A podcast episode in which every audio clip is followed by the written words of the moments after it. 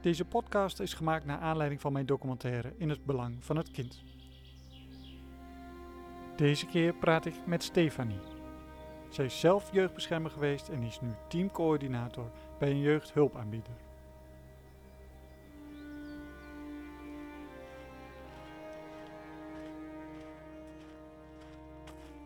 Maar even voor de duidelijkheid, jullie zijn geen gecertificeerde instelling. Nee, wij zijn geen gecertificeerde instelling. Wij zijn een jeugdhulpaanbieder, dus wij worden een zorgaanbieder. Dus wij worden ingezet door een gecertificeerde instelling. Of door een gemeente of door een huisarts. We beginnen altijd met een kennismaking. Zo van, goh, wie zijn wij, wie zijn jullie, wat mag je van ons verwachten? Dat is voor elk kind hetzelfde. En daar nemen we ook echt de tijd voor, een week of vijf, zes. Uh, omdat onze visie wel heel erg is dat op het moment dat je niet die verbinding met elkaar hebt en die relatie met elkaar hebt, ja, ga je er uiteindelijk niet komen. En kunnen we ook niet zo goed advies geven. Maar is vijf weken niet behoorlijk lang? Want ik kan me voorstellen, als jij je kind niet ziet, dan is vijf weken echt heel lang. Ja, klopt. En dat maakt ook dat het soms bij begeleide omgangsregelingen net anders werkt. En dat je net sneller, hè, minder tijd neemt voor de kennismaking. Aan de andere kant heb je het soms juist ook wel nodig. Want als een kind bijvoorbeeld al een aantal jaren geen contact heeft met de andere ouder, kan je niet zeggen van hé, hey, ik ben Pietje en ik neem je mee naar papa. Hè, dan moet ook zo'n kind eerst het vertrouwen voelen in de hulpverlener. Uh, en dan is het voor de ouder soms hè, lang. Maar ik heb mijn kind al zo lang niet gezien. Uh, maar voor het kind is het wel nodig vaak om eerst een basis te leggen. Wij gaan eigenlijk nooit bepalen als wij in een gezin komen en een omgang moet gestart worden. Hè, we hebben bijvoorbeeld het kennismakingsgesprek op donderdag. Dan gaan we nooit zeggen, maandag kom ik Klaasje ophalen uh, en gaan we naar vader. Nee, dan gaan we eerst Klaasje ontmoeten. Een spelletje spelen, hè, de kennismaking doen. Om vervolgens nou, toe te werken richting die omgang. En soms duurt dat twee weken en soms duurt dat zes weken. En dan heb je nog te maken met uh, de ouders. Want je kan wel met het uh, kind gaan spreken, maar de ouder heeft natuurlijk ook invloed daarop. Ja, een hele grote invloed. Weet je, de, de, de ouder waarmee het contact bijvoorbeeld is verloren, die wil heel graag heel snel. Uh, terwijl de ouder waar het kind woont, um, soms dan vindt dat het te snel gaat. Dus je gaat zowel met, met de ouders aan de slag als met het kind. Want ook de ouder heeft het vertrouwen nodig dat we uh, er uiteindelijk voor willen zorgen dat er een fijne omgang is. En als een kind nou na een week het vertrouwen heeft, maar de ouder niet? Ja, dan moeten we met de ouder in gesprek. Uh, maar uiteindelijk gaat het wel gebeuren en dan is het ook een kwestie van ervaren, ook voor de andere ouder, uh, het ervaren in dat het oké okay is. en dat er niks gebeurt en dat wij er zijn om die veiligheid te borgen. Kun je da daarin dwingen? wij niet, maar een jeugdbeschermer bijvoorbeeld wel. Ja. Even aan de kant, er komen wat fietsers aan. Weet je wat we ook kunnen doen? We kunnen ook even hier tussendoor, dan lopen we over het zandweggetje. Wat maakte dat jij zo in dit vak bent gerold? Ja, ik, dat, ik wist al van kleins af aan eigenlijk. Vanaf dat ik heel klein ben. Ik had een, uh, een buurmeisje met een uh, verstandelijke beperking. Uh, en die had hulp. en vanaf dat moment wist ik al, ja, dat ga ik doen laten. En uiteindelijk is het wel een iets andere sector geworden. Hè. Ben ik echt wel in de jeugdhulpverlening uh, terechtgekomen. Uh, maar ik wist dat eigenlijk al van kleins af aan. Maar wat trek je dan zo aan? Ja, toch een stukje idealisme, denk ik. Toch de wereld voor iemand anders een stukje beter maken. En lukt dat? Soms wel, soms niet. Op het moment dat je net bent afgestudeerd als hulpverlener, had ik echt een wereldverbeteraar idee. Van nou, ik ga dat eens even allemaal regelen. Het komt allemaal goed. Nou, daar ben ik wel van afgestapt. Um, um, maar wel juist ook de kleine stapjes die gezet worden, kunnen juist heel waardevol zijn. Hoe voel je je dan als het niet lukt? Nou ja, weet je, ik uh, ben nooit verantwoordelijk voor de uitkomst van een proces. Hè. Ik kan een proces begeleiden. Um, maar uiteindelijk heb je altijd ouders en een gezin en een familie die verantwoordelijk is voor de uitkomst daarvan. Uh, toen ik net begonnen ben als jonge professional, ja, dan doet het heel wat anders.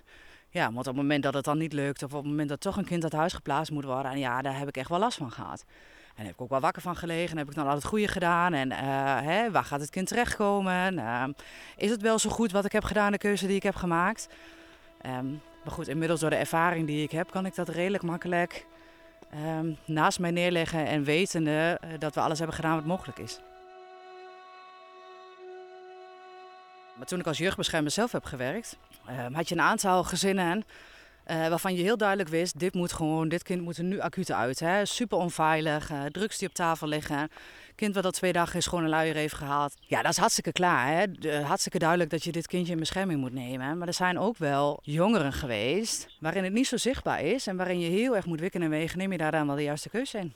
Een uithuisplaatsing is gewoon een hele verregaande maatregel die je liever niet neemt. En op het moment dat het niet zo zichtbaar is, ja, dan ga je wel twijfelen en nadenken. En heb ik dan alles wel gedaan? Of kan ik nog iets anders doen? Zo'n uithuisplaatsing, ben je daarbij aanwezig dan? Ja, ik ben degene die het uitvoert als jeugdbeschermer. Ja, neem me mee. Nou ja, goed, in het geval van het jongetje, hè, wat ik net uh, noemde, die was 2,5. Ik had een, uh, uh, deze zaak net, net, net gekregen, net onder toezichtstelling uitgesproken. Um, nou, binnen vijf dagen moet je dan op huisbezoek gaan, dus ik kom op huisbezoek. Nou, waarin de wiet en de cocaïne op tafel ligt. Ik een overvolle luier bij dit jongetje zie. Nou ja, hè, tandjes die doorkomen, maar gelijk eigenlijk helemaal bruin zijn. Uh, haren. Dat een hele grote bos met blonde krullen die volledig in de klit zaten. Ehm, ik was 21 toen ik begon als jeugdbeschermer. Dit gebeurde denk ik op mijn 23ste. Ja, dan denk je wel even van shit. En nu? Um, dus dan ga je schakelen. Ga ik, ging ik bellen met mijn leidinggevende. Met mijn gedragswetenschappen. Dit is wat ik aantref. Nou, inmiddels kwam moeder van boven met een, met een man. Geen idee wie, wie dat was. Nou ja, overleg gevoerd. Toen is er gelijk een collega gekomen. Uh, om mij hierbij te ondersteunen. Niet weten hoe deze moeder bijvoorbeeld gaat reageren. En dan zet je alles in gang. Dan ga je het contact zoeken met de kinderrechten. Vraag je om een spoedmachtiging uit huisplaatsing. Omdat je het kind eigenlijk gelijk wil oppakken en meenemen. een collega die ondertussen aan het bellen is om een, om, om een plekje te vinden om dit ventje naartoe te brengen. Dus dat loopt allemaal langs elkaar heen, zeg maar. en op het moment dat dat geregeld is, dan neem je hem mee. En dat klinkt heel makkelijk, maar dat is het niet.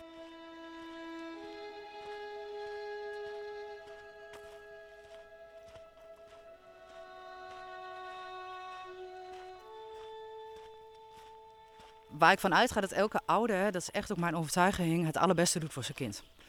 Um, en ook wil dat het met zijn kind zo goed mogelijk gaat. En dat was ook bij deze moeder zo. Uh, weten dat je dan een moeder achterlaat uh, en haar kind meeneemt.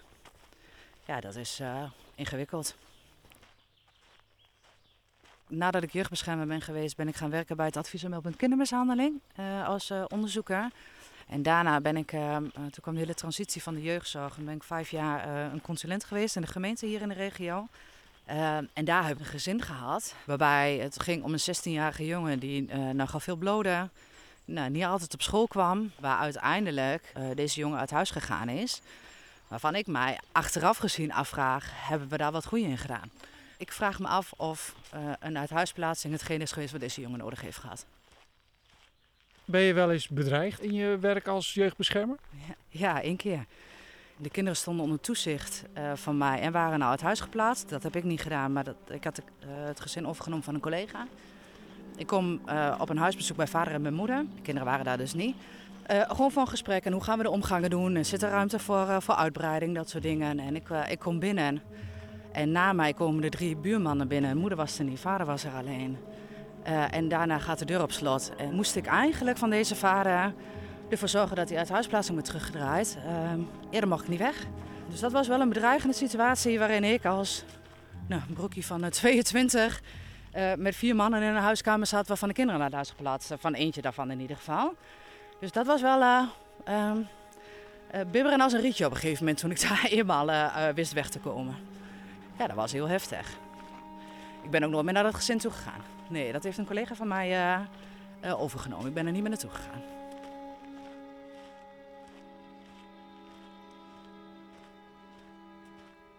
Ik denk dat je als jeugdzorgwerker een beetje van alles bent. Ik denk dat je een beetje advocaat bent. Ik denk dat je een beetje mediator bent. Ik denk dat je uh, soms politieagent bent. Ja, ik denk dat je heel veel verschillende rollen hebt. Hoe oud was je toen je jeugdbeschermer werd? 21. Kun je dat dan aan? Nee. Toen wel. Toen vond ik van wel. Um, maar nu, twintig jaar later, terugkijkend, met de ervaring die ik nu heb en de levenservaring die ik nu heb, ik heb zelf nou drie kinderen, uh, nu terugkijkend, uh, hadden ze mij nooit aan mogen nemen. Never. Nee, echt niet. Nee, want als ik nu terugdenk aan sommige gezinnen die ik in de tijd begeleid heb als jeugdbeschermer, zou ik nu heel andere keuzes gemaakt hebben. Of een hele andere houding aangenomen hebben in een gesprek. Of um, uh, nee, dat had ik, echt wel, had ik echt wel anders aangepakt. Heeft het dan met levenservaring alleen te maken? Levenservaring, werkervaring. Ehm, ja, eigenlijk onvoldoende stevig in je schoenen staan. En maar doen waarvan je denkt dat het moet gebeuren. Um, maar niet zeker wetend of dat oké okay is. Weet je, op het moment dat je jeugdbeschermer bent, heb je te maken met iemands meest kostbare goed. Hè? Met iemands kinderen.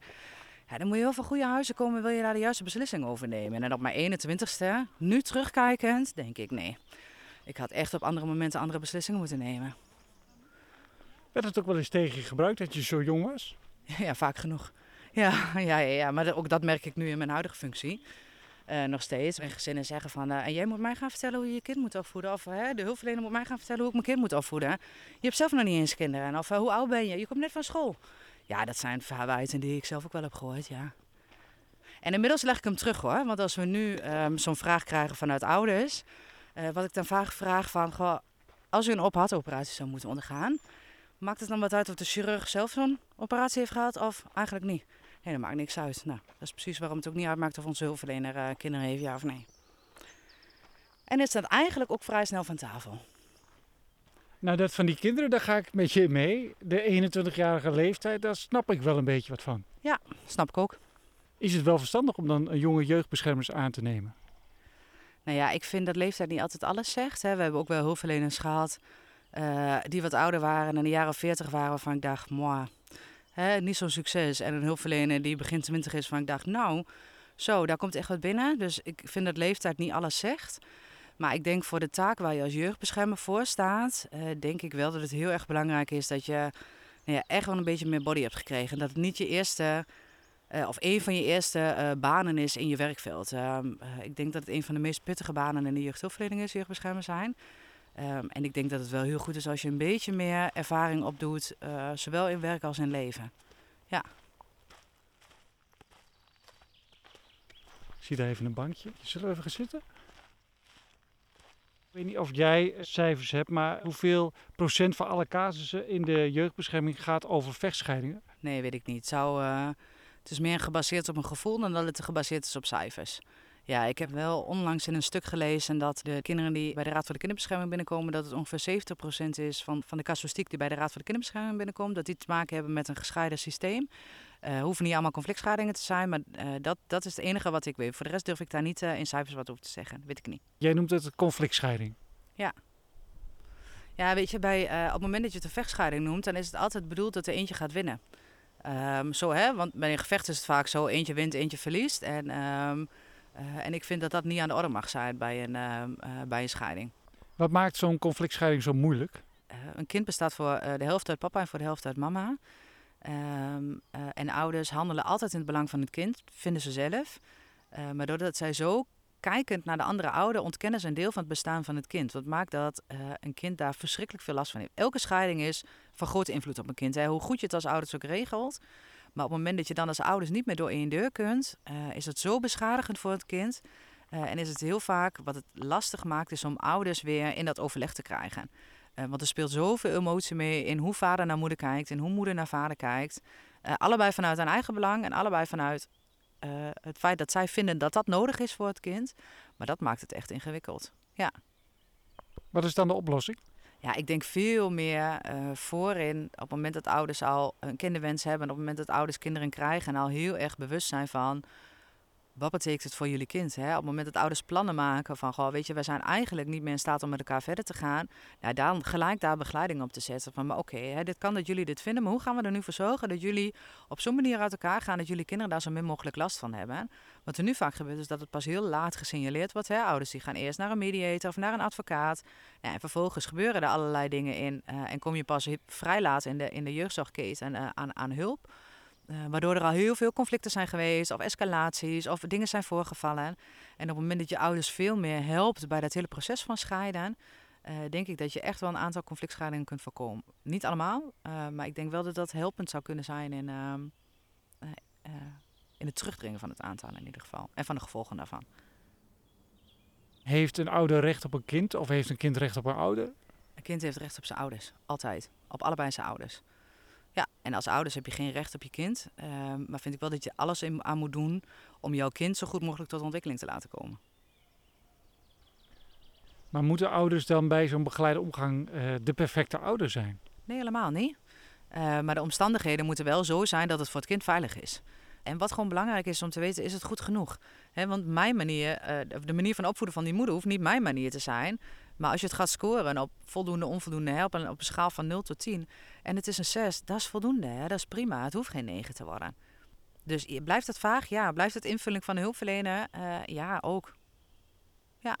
Want het kan zijn dat je een ene hulpverlener hebt die zegt... hé, hey, ik vind het een 6. En je hebt, kunt een andere hulpverlener hebben die zegt... hé, hey, het, eh, het is een 8. Ja, en waar zit het hem dan in? Ja, dat gesprek moet je gaan voeren. En dat is het, onder andere het gesprek wat ik bijvoorbeeld in de werkbegeleiding voer. Oké, jij geeft het een 6, maar wat zit er dan in die 6? En waarom is het dan geen 7? Eh, Want wat moet er dan in die 7 zitten voordat het dat is? Hè? Om heel erg te zoeken naar, oké, maar waarom zeg je dit dan? En waarom vind je dit dan? Ehm, maar dat blijft mensenwerk, ja. En is een invulling van elke professional. Je probeert het concreet te maken, maar ehm, dat, dat, dat is in heel veel gevallen, ehm, ja, het is geen wiskunde. Je hebt wel veel macht als jeugdbeschermer, als hulpverlener. Want het is een interpretatie van de hulpverlener of het wel of niet goed is. Ja, maar het is, eh, ja, eens. Eh, alleen is het geen interpretatie uit de losse pols. Hè? Het moet wel ergens op gestoeld zijn. Ik kan niet zeggen, nou, ik vind het een 4. Ja, ja, dat vind ik omdat jij je huis niet opgeruimd hebt. Hè? Dat, is, daar, daar, kan natuurlijk niet. Er moet wel, je moet ook kunnen onderbouwen. Wat maakt nou dat je het een 4 vindt en geen 3 of geen 5 of geen 7? Ehm, maar feit is dat het wel, dat, ehm, dat dat wel bepalend kan zijn in eh, welke gevolgen het heeft. Maar die neem je nooit alleen. Die gaat altijd met de gedragswetenschappen kijken. Oké, heb ik alles langsgelopen en hoe zit dit dan en hoe heb je dat gezien? En maakt dat niet dat, je dit moet, dat het dit moet zijn of dat het dat moet zijn. Dus je wikt en weegt hem altijd. Eh, maar dat het gevolgen kan hebben. En ja, dat is eh, evident zeker. Ja, want je, je zegt, je overlegt met de gedragswetenschapper. Die is natuurlijk niet op de plek zelf. Dus die is afhankelijk van het verhaal wat de hulpverlener vertelt. Klopt. En de vragen die de gedragswetenschapper stelt over dingen die de hulpverlener niet vertelt. Ja, daar ben je afhankelijk van. Klopt. Is dat niet foutgevoelig? Ik weet niet of het foutgevoelig is, maar wel interpretatiegevoelig. Ja, ja zeker. Met misschien wel grote gevolgen, toch? Ja, klopt. Weet je, wij maken bijvoorbeeld ook gebruik van een, uh, een veiligheids- en risicotaxatie. Dat is een wetenschappelijk instrument, een rij. Um, en daarin scoor je eigenlijk signalen van onveiligheid. En dan is dan vastgesteld bij 0 tot 3 uh, signalen van onveiligheid, dat betekent dit. 5 tot 7 betekent dit. En meer dan 8 betekent dat. Um, dus dat instrument is wetenschappelijk. Alleen het invullen daarvan gebeurt op, het uh, op basis van de informatie die mensen hebben gezien die in dat gezin komen. Dus dan kan je alsnog een wetenschappelijk instrument hebben. maar daar ben je afhankelijk van de informatie die de hulpverlener of hulpverleners geven over dat gezin zo'n hulpverlener komt binnen, ziet dat het niet is opgeruimd, die zegt: Ik vind dit een 4. Misschien zegt die hulpverlener wel omdat, ik noem maar wat, een hekel heeft aan vader of aan moeder. Ja, in theorie is dat niet ondenkbaar. Alleen vind ik dat wel lastig te geloven. Ergens ga ik er dan ook wel vanuit dat in, in, in de organisatie of bij een leidinggevende of bij collega's ook wel uh, daardoor heen geprikt kan worden. En um, um, ook wel bevraagd wordt op het feit van... oké, je geeft het nu een 4 hier en hierom, maar wat zit er dan nog meer in? Hè? En, dat, en ik vind het wel ingewikkeld te geloven dat mensen dan inderdaad moedwillig verkeerde informatie geven... En omdat je die vader niet mag of omdat je, uh, uh, vindt, omdat je niet oké bent met je moeder. En ik sluit niet uit dat het kan gebeuren. Het kan zeker gebeuren, hè? Uh, juist omdat het mensenwerk is en je afhankelijk bent van die informatie. Maar goed, je hebt wel allemaal uh, een. Uh, uh, je volgt allemaal de beroepscode. Hè? Je bent de SKJ geregistreerd. Je hebt een, uh, een bepaalde reden waarom je de hulpverlening bent ingegaan. En dat is niet veelal niet een, een reden om het leven van mensen kapot te maken. Hè? Nou ja, het lijkt me sterk dat dat de intentie is van, van hulpverleners. Is daar een controle op? nee, uh, en ouders zijn inderdaad vaak afhankelijk van degene die bij hun thuis komt en die daar wat over te vertellen heeft. En eigenlijk zit daar geen controle op. Weet je, de, de, een jeugdbeschermer of een jeugdhulpverlener die uh, moet zijn werk verantwoorden richting leidinggevende of soms richting rechtbank. Hè, als je het hebt over een jeugd, uh, jeugdbeschermer.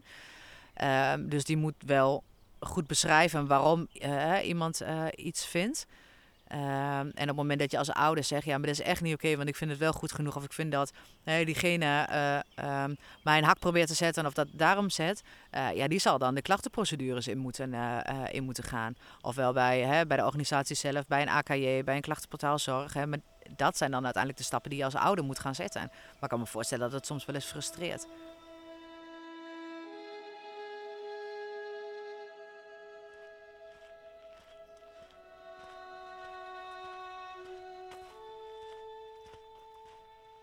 Heb je het gevoel dat je jezelf vaak moet uh, verdedigen in je werk? Uh, nee, niet verdedigen, wel uitleggen.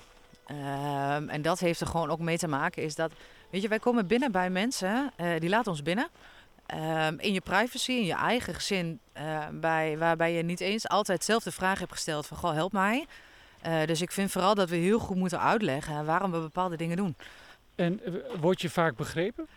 Vaak wel. Uh, alleen op het moment dat um, um, het belang van kinderen en ouders anders is, um, ja, dan niet. Uh, dan komt het vaak voor dat je niet begrepen wordt. Op het moment dat je, uh, we hebben bijvoorbeeld een, een situatie gehad met een, ouders die gescheiden zijn. Kinderen wonen, vier kinderen wonen bij moeder. gingen ehm, met grote regelmaat naar vader toe. waarin, waarin we, nou, volgens mij drie of vier keer in de week kwamen. en eigenlijk het niet goed genoeg was voor de kinderen bij moeder thuis. Hè, moeder probeerde het, maar het was gewoon onvoldoende qua structuur. Uh, de kinderen vlogen tegen de muren op, hele grote mond. Niet naar school toe gaan, onvoldoende eten. Nou, dat zeg maar. Um, en dan vervolgens geef je het advies aan de jeugdbeschermers. Het is, wij vinden het eigenlijk niet goed genoeg. We kwamen ook bij vader thuis, waar het wel goed genoeg was. daarin geef je uiteindelijk, uh, vraagt de jeugdbeschermer aan ons, wat vinden jullie en wat zou een passende oplossing zijn? Nou, dan geven wij aan dat wij denken dat uh, deze kinderen uh, goed op hun plek zouden zijn bij vader. Die hun de dagelijkse structuur biedt. En uh, de momenten bij moeder hebben waarin moeder dat minder hoeft te doen. Um, ja, dat vond deze moeder heel erg moeilijk. Die begreep dat niet. Ja, daar heb je echt wel wat uit te leggen. En soms kom je op het punt dat je ehm, ook niet tot elkaar komt. Je verschilt gewoon te veel. Moeder vindt echt wat anders dan dat wij vinden. Ja, en dat moet er dan ook zijn. Kan je niks aan veranderen.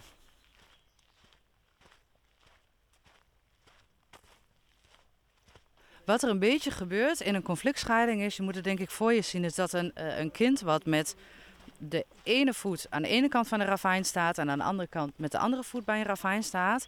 Waarvan papa aan de ene kant aan het trekken is en mama aan de andere kant aan trekken is. En een kind is aan het wiebelen en die krijgt pijn in zijn benen. Die gaat een keuze maken, want die pijn is niet meer vol te houden. Of je valt erin of je moet een keuze maken. Dus die gaat aan een van beide kanten van de ouders staan. Die heeft geen andere keus. Wat maakt dat, uh, wat daarbij hoort, hè, als hij aan de kant van papa gaat staan, dan betekent dat dus, dan kan ik dus niet meer naar mama toe. Dan wil ik niet meer naar mama toe. Hè, ik wil er niet heen, laat me er niet heen gaan. Hè, of de andere ouder natuurlijk, maar goed, in dit voorbeeld aan Eva. Mm -hmm. um, dus je, je, je uh, kan een kind, uh, die kan niet anders dan uiteindelijk te kiezen. Hè, en dan krijg je dat het kind heel duidelijk uitspreekt, maar ik wil niet naar mama toe.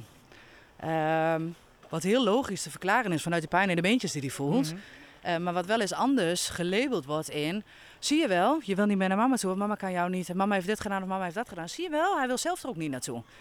Ja, en dat is, uh, dat is wat een stukje bewustwording bij ouders. Maar dat is echt, nou ja, uh, een heel lastig proces. Als een van de ouders zegt, ja, maar ik ga jouw leven zo zuur maken, jij krijgt je kinderen niet meer te zien. Die kan wel heel mooi weerspelen voor een bemiddelaar of voor een jeugdbeschermer, maar heeft misschien wel een ander idee. Ja, klopt. Hoe prik je daardoor? Soms niet. Prik je soms niet doorheen. Uh, ja, die, die is echt heel lastig. Weet je, je, je, je kan alleen maar meekrijgen wat je ziet. En je doet het heel erg op basis van de signalen wat een kind afgeeft. Uh, weet je, voor veel ouders is het een heel duidelijk signaal van... Hé, maar mijn kind zegt dat hij niet naar papa toe wil. Terwijl het voor ons als hulpverlener een signaal is van... hé, hey, maar misschien is hij wel aan één kant gaan staan, want de wiebelen doet zozeer. Um, maar ga je daar helemaal achter komen? Nee, daar ga je niet altijd helemaal achter komen. Nee. Weet je, je gaat kijken of je met deze ouders ergens een manier kunt vinden waarop zij weer enigszins met elkaar door één deur kunnen voor hun kind. Niet als partners, maar wel als ouders. Daarnaast ga je kijken, nee, dit kind geeft zulke duidelijke signalen af. Wat heeft hij nodig om overeind te blijven staan? Hè? Um, is daar misschien ook wel een stuk verwerking of een stuk therapie voor nodig? Of misschien hè, gewoon wel uh, twee keer per week voetballen met een hulpverlener om je verhaal kwijt te kunnen. Uh, dus je gaat heel erg kijken, hé, hey, maar wat moet je nou eerst doen uh, om uiteindelijk bijvoorbeeld dat contact tot stand te brengen? Uh, dus je gaat wel altijd kijken welke mogelijkheden er zijn. En soms zijn er echt geen mogelijkheden. Daar moeten we ook eerlijk in zijn. We gaan echt niet al die situaties, uh, omdat ze zo ingewikkeld zijn, daar gaan we echt niet helemaal rechtbreien. Er zijn echt genoeg voorbeelden te noemen waarin het kind het contact met de andere ouder compleet verliest. Door bijvoorbeeld een ouderverstoting. Ja, ja, die zijn er. En ik heb ook niet de illusie dat we dat kunnen gaan voorkomen, op welke manier dan ook. Dat is wel heel pijnlijk om, om dat te concluderen. Ja, ja. Waarbij het in heel veel gevallen uiteindelijk op het moment dat een kind in een volwassenheid komt, uh, daar weer ruimte ontstaat voor die verstoten ouder, hè, of die ouder waar het contact niet meer is. eh, dat weer wat op te zoeken eh, en om eh, op die manier antwoorden te krijgen op vragen. Eh, en weer een stukje aan contactherstel te doen. Maar het komt echt wel met regelmaat voor dat eh, voor een hele lange periode het contact met andere ouderen gewoon geen optie is. En dan sta je als jeugdbeschermer voor de taak, wat ga je dan doen? Je weet dat dit gebeurt, je weet dat het kind bijvoorbeeld geen contact wil hebben met papa. Je weet ook dat moeder bijvoorbeeld een bepaald gevoel heeft richting vader. Hè, van die man die sport niet of... eh, Bijna alle vaders zijn een narcist en bijna alle moeders zijn borderline hè, in de ogen van elkaar als, als ex-partner. Dan sta je als jeugdbeschermer voor de taak van hé, laat ik dit dan gebeuren, zeg maar. Hè? Is het dan in het belang van het kind om bij deze moeder te blijven wonen en dan maar geen contact hebben met deze vader? Of moeten we dan als jeugdbeschermer zeggen, hé, maar dit kind heeft echt recht op allebei zijn ouders. Uh, hij of zij moet naar een, een neutrale plek en vanuit daar lekker naar papa gaan en lekker naar mama gaan, maar mag dat contact er wel zijn? Ja, dat is echt een, uh, een, een, een ongelooflijk moeilijk dilemma. Want waar doe je goed aan? Maar het gaat wel om een kind. Ja, ja maar dat is het juist, hè? Maar dat, dat maakt het zo, een uithuisplaatsing dan naar een neutrale plek is uh, een, enorm ingrijpend. Maar het contact verliezen met een van je ouders is ook enorm ingrijpend. Ja, en wat is dan het beste? Of wat is het minst slecht? Zeg het maar. Ja, weet je, nee, waarvan dus ook inderdaad de ene jeugdbeschermer kan zeggen... we gaan het op deze manier doen. Een andere jeugdbeschermer kan de keus maken van... Hey, we gaan het kind bij vader plaatsen. En omdat vader wel die toestemming kan geven dat hè, uh, uh, Pietje lekker naar mama toe mag... en weer een andere jeugdbeschermer zegt... Hey, we kiezen wel voor die uithuisplaatsing en op die manier de contacten. Maar er is jammer genoeg niet een stroomschema voor in, in de besluitvorming daarin. Kinderen vanaf 12 jaar mogen gehoord worden bijvoorbeeld door de kinderrechten... Maar op het moment dat je een kind hebt wat in zo'n situatie zit, hè, en die staat in dat ravijn, boven dat ravijn, en die staat te wiebelen en die heeft pijn aan zijn been en die is naar één kant gestapt. Kun je dan aan een kind vragen wat hij wil, krijg je dan een eerlijk antwoord? Dat vraag ik me af. Dat vraag ik me af. Jij bent een professional. Ja, nee, ik heb daar wel twijfels over. Maar op het moment dat je op de lange termijn hè, nu ook uh, leest en hoort bijvoorbeeld van... Uh, kinderen die nu volwassen zijn, die, die als kind uh, midden in zo'n conflictscheiding zaten. Die nu terugkijkend en dus het contact met hun vader of hun moeder hersteld hebben. En zeggen, ja, maar eigenlijk staat de situatie heel anders. En um, um, is mij een heel ander verhaal op de mouw gespeeld. Maar um, doordat ik dat geloofde, wat mijn moeder zei, heb ik nooit geen contact meer met mijn vader gewild. Want ik vond mijn vader de grootste eikel die er bestond. Terugkijkend in de volwassenheid kan iemand kijken en denken... ja, maar dat is wel heel erg gekleurd door de mening van mijn moeder. Hè? Maar op het moment dat een kind 12 jaar is en die zit in die situatie... en die heeft het fijn met mama en mama is zo goed voor hem... Hè, en, uh, lekker eten, hè, alles uh, gewoon in die zin goed gericht... dan kan je bijna van een kind niet vragen hoe die er echt over denkt. Want je weet niet of je... Want op, waarschijnlijk op dat moment voelt het kind het echt zo. Maar kan het wel zijn later in de volwassenheid en het kind denkt... ja, het heeft toch anders gelegen. En we weten gewoon uit allerlei onderzoeken die er zijn geweest, dat kinderen die in zo'n situatie zitten, hè, met, met, met, uh, uh, uh, in de situatie van een conflictscheiding, dat die problemen op latere leeftijd, in de puberteit, maar ook tot ver in de volwassenheid voortduren. dus je weet aan alle kanten dat dat niet oké is voor een kind, terwijl het op het eerste ogenblik, hè, hij gaat naar de voetbal en hij heeft goed veel vriendjes op school, het gaat eigenlijk prima op school. Daar merk je dan nu nog niet zoveel aan, maar dat betekent niet dat je dat uh, uh, verderop in het leven niet, uh, niet gaat merken. Want dat is eigenlijk vaak wat er gebeurt. En als je kijkt naar het systeem zelf, het jeugdzorgsysteem, kan daar nog iets in, in verbeterd worden? ja, zeker. Um, wat je nu heel veel ziet is dat er heel veel overlap zit tussen een heleboel instanties. Wat maakt dat zo'n hele keten ook enorm vertragend kan werken. of nou ja, vertragend is zeg maar. Hè. Het duurt heel lang voordat je uiteindelijk bij, vanuit de gemeente een jeugdbeschermer hebt, zeg maar. En ik denk dat de, uh, waar ook zeker een verbeterpunt in zit, is de, de uh, um, werkdruk en het verloop binnen de jeugdbescherming. Ja. Ja, er is enorm veel verloop. Er is ook een enorme werkdruk. En nou, ik denk die combinatie maakt dat er soms jeugdbeschermers zijn die ja, ingevlogen worden. Terwijl je eigenlijk op het moment dat je de keuze had gehad uit verschillende. De, op het moment dat je meer keuze had gehad uit personeel, dat je misschien een andere keuze gemaakt zou hebben. En daarmee twijfel ik niet aan de intentie van de jeugdbeschermer. Uh, maar wel hoe ik hem zelf heb ervaren. Met mijn 21 jaar als jeugdbeschermer aan de slag gegaan. Dat ik denk, ja, dat um, zou mooi zijn als je als organisatie daar ook andere keuzes in kan maken. Maar goed, moet er wel personeel beschikbaar zijn die ook wil werken. En dat is ook een van de dingen die uh, ingewikkeld is. Wil je een, een verandering, dan heb je een beweging nodig op heel veel verschillende vlakken. En, ja, en dat is uh, denk ik wel een, uh, iets wat, wat, wat niet heel snel gerealiseerd is. Is het iets wat bijna op politiek niveau geregeld moet gaan worden? Ja, dat denk ik wel. Ja, dat denk ik wel. Ja, ja anders ga je geen verandering krijgen. Hè? Dus dat, het, is een soort van hervorming, zeg maar. Dus uh, als dat vanuit de politiek komt, dan horen daar ook middelen bij die je daarvoor toe kan kennen. Want ik ben ervan overtuigd dat uh, iedereen daar wel zijn steentje aan bij wil dragen. Hè? Die huisarts, een school, een GGD. Ehm, maar die moeten dan ook wel de mogelijkheid krijgen om dat op die manier te doen. Hoe lang moeten we nog wachten voordat het goed komt?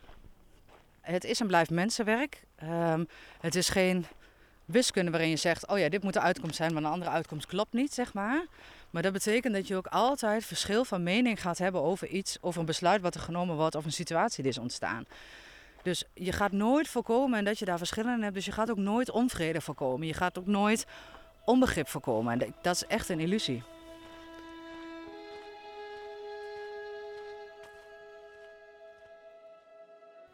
Wil je reageren naar aanleiding van deze podcast? Stuur dan een mail naar podcast.inhetbelangvanhetkindfilm.nl